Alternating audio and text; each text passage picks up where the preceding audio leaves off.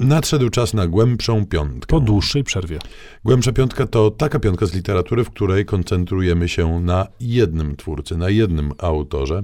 Wydawcy nam często mydlą oczy jakimiś tam opowieściami o arcydziele XX I wieku, o hicie sezonu, o e, wszechświatowym bestsellerze, o nowym Gombrowiczu, nowym Markezie, nowym Faulknerze, e, ale my wiemy swoje i czekamy na autorów, którzy są sprawdzeni, których cenimy i których lubimy. I dlatego, jak ukazuje się nowa książka Stefana Chwina pod tytułem Srebrzysko, powieść dla dorosłych, to postanawiamy właściwie z automatu poświęcić temu pisarzowi całą piątkę z literatury. No i zacznijmy od tego Srebrzyska. To jest książka, która się nijak do czytelnika y, nie zaleca, ponieważ nic nie dowiemy się o jej treści z okładki. Nie ma tam żadnych tropów dotyczących historii, fabuły czy postaci. Jedynie krótki komentarz samego autora, który mówi o tym, że jest to książka chyba najbardziej ryzykowna w jego karierze, ale no, miał taką potrzebę, żeby z nią się zmierzyć. To nas intryguje, no ale umówmy się szczerze, za wiele nas w temat nie, nie wprowadza. I ja muszę powiedzieć, że bardzo sobie cenię takie podejście, no bo chwin chwinem jest i wiadomo, że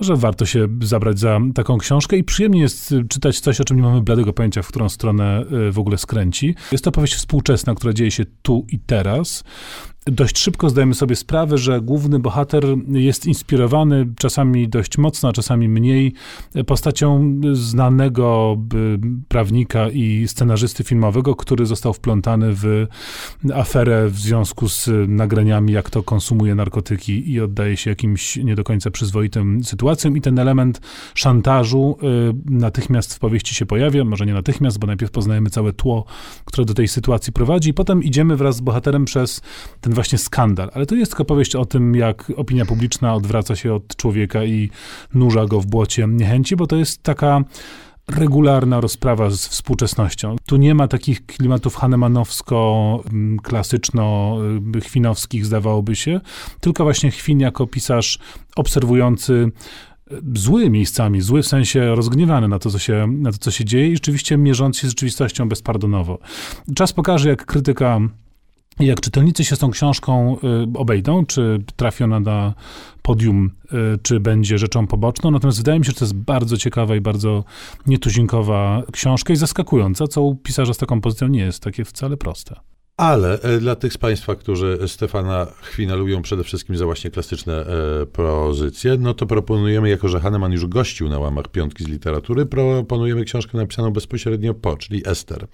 To książka niesamowita. Główna bohaterka jest, e, no właśnie, nie wiadomo tak naprawdę do końca kim jest. Wiadomo, że e, pomieszkiwała w Gdańsku, później w Wiedniu, słuchała wykładów niczego, trafia na Nowogrodzką 44 do Warszawy i w tej Warszawie się jest pusto Opędani e, e, nią są najróżniejsi mężczyźni, od e, braci cieślińskich, przez syna dozorcy, po lekarza domorosłego cyganologa, po, po amatora filozofa i tak dalej, i tak dalej. Niewiele jesteśmy w stanie o niej powiedzieć. To znaczy, wiemy na pewno, że stroi się, szczególną uwagę poświęcając swojej fryzurze, robi zakupy regularnie.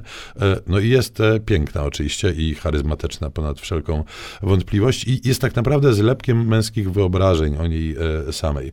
Mm, e, to w ogóle znamienne, że w tej książce e, te postaci, którymi się spotykamy, są bardzo specyficznie zarysowane. One są pozbawione takiej głębi, do której jesteśmy przyzwyczajeni. Natomiast głębia niespotykana, nadana jest tu, którym jest Warszawa. Tu Stefan Chwila okazuje się mm, no przynajmniej Martinem Scorsesim literatury polskiej, jeżeli chodzi o dbałość o historyczny szczegół i detal. Jest tu tego rzeczywiście mnóstwo i mam wrażenie, że my oddychamy i żyjemy mm, epoką.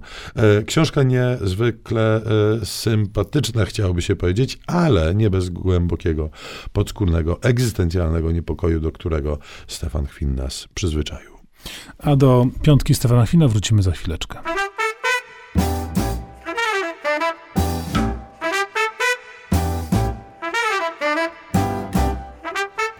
Piątka z literatury. Polecają Szymon Gloszka i Tomasz Pindel. Głębsza piątka poświęcona w tej swojej odsłonie twórczości Stefana Chwina. I przechodzimy do jego powieści z nurtu Political Fiction. No właśnie, bo jeżeli Srebrzysko to najnowsza rzecz, nie wszystkich zaskoczy, to dlatego, że znamy przecież wydaną przed ładnych paru laty żonę prezydenta.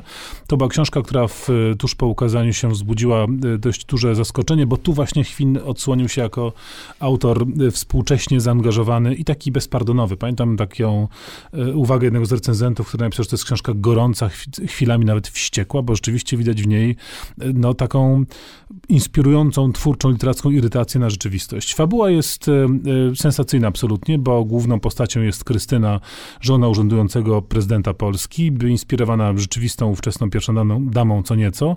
Dowiaduje się ona o tym, że mąż ma romans ze stażystką, tu znowu inny prezydent nam się nasuwa e, skojarzeniowo, nie polski i e, no, pod wpływem no, silnej emocjonalnej, zrozumiałej reakcji ucieka e, z Belwederu i rzuca się w taką szaloną wyprawę po Polsce, spotkając na przykład na swojej drodze pewnego guru religijnego. Więcej nie mówmy, bo to rzeczywiście dużo i ciekawych rzeczy tam się dzieje, a wszystko to zostaje wzięte w taki nawias, bo całą historię poznajemy z ust no, pacjenta zakładu dla osób psychicznie chorych. To jest świetna powieść.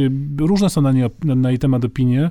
Natomiast muszę powiedzieć, że bardzo wysoce ją cenię przez tą dynamiczność i przygodowość, która idzie w parze właśnie z ciętą obserwacją i z refleksją właśnie, jak to uchwina y, absolutnie pogłębioną. Świetna, nieduża, dynamiczna rzecz. rzecz. A teraz czas na e, twórczość eseistyczną Stefana Chwina, która też się pojawiała już w z literatury, chociażby jego teksty poświęcone Czesławowi Miłoszowi. Natomiast e, samobójstwo jako doświadczenie wyobraźni to taki tom e, imponujących rozmiarów, poświęcony właśnie samobójstwu, wyobrażonemu no, przez kogo? Przez absolutnie najwybitniejszych twórców Europy. I to wyobrażenie samobójstwa we wszystkich jego możliwych odsłonach i odcieniach Stefan Chwin próbuje tu przedstawić, zastanawiając się na, najpierw nad tym, czym samobójstwo jest nie tylko czym jest motywowane, ale gdzie przebiega mm, granica pomiędzy e, samobójstwem a innymi formami śmierci bądź wykańczania się. Przedstawia też tak zwane czarne ikony e, samobójstwa, jak chociażby Judasza, czy ikony jasne, takie jak Lukrecję, Dydonę, Kleopatrę, Sokratesa, czy, e, na, czy w końcu Katona, ale opowiada też o tym, jak samobójstwo postrzegane było nie tyle przez twórców mm, kultury i sztuki, ale przez społeczeństwa europejskie w ogóle. No to jest taki esej, który warto czytać z wielu powodów, bo jest to przewodnik po e, rzeczywiście jakichś obrzeżach, a może nie obrzeżach właśnie, mm, mm, myśli e, e, europejskiej i europejskiej sztuki, a przy tym Chwin, posiadając ponad wszelką wątpliwość imponujący talent literacki, jest w stanie napisać o rzeczach trudnych, odwołujących się do całej masy tekstów źródłowych i nie tylko w sposób łatwy, przystępny i po prostu po ludzku wciągający. A na koniec dajmy sam początek, bo za początek twórczości Stefana Chwina uznaje się krótką historię żartu i Hahnemana, ale tak naprawdę wcześniej były dwie powieści wydane pod pseudonimem Max Lars, mianowicie Ludzie Skorpiony i Człowiek Litera. Pierwsza w 85, druga w 89 roku. Z tego co wiem, one nigdy nie były wznawiane i do dziś e, trzeba ich szukać e, w antykwariatach. Mnie się udało zdobyć jakiś czas temu Człowieka Literę, czyli drugą część cyklu e, opowieść o wyprawie Aleksandra Umwelta do jednego z krajów, z krajów Ameryki Południowej. To jest rzecz, która jest bardzo ciekawa, przynajmniej podwójnie, a właściwie to potrójnie. Po pierwsze, są to bardzo frapujące powieści przygodowe w duchu takim klasycznym dumasowsko-wernowsko-awanturniczo-przygodowo-podróżniczym. Z drugiej strony, jak się już zna Chwina, jego późniejszą twórczość i jego osobowość, to bardzo ciekawie można dostrzec, jak ona już wtedy, w tej zupełnie wydawałoby się innej formie, dochodzi do głosu, a po trzecie, to ilustracje sporządzone przez samego Stefana Chwina, który, co możemy odkryć dzięki właśnie tym tomom, znakomitym jest ilustratorem w takim właśnie dość staroświeckim stylu kojarzącym się z XIX-wieczną ryciną, e, więc całość jest przyjemna, frapująca dla czytelników od lat 10 do 110 i w ogóle mam wielką nadzieję, że kiedyś ktoś wreszcie to wznowi, a podobno jest też część trzecia, która nigdy z szuflady nie wyszła. Książek Stefana Chwina na świecie jest więcej. Proszę się nie ograniczać do pięciu przez nas zasugerowanych. Natychmiast sięgać na półkę księgarską bądź biblioteczną w zgodzie z własnym sumieniem. To rzeczywiście gwarantowana czytelnicza przyjemność. Pozdrawiamy z gdańskim akcentem Tomasz Haneman-Pindel i Szymon Ester Kloska.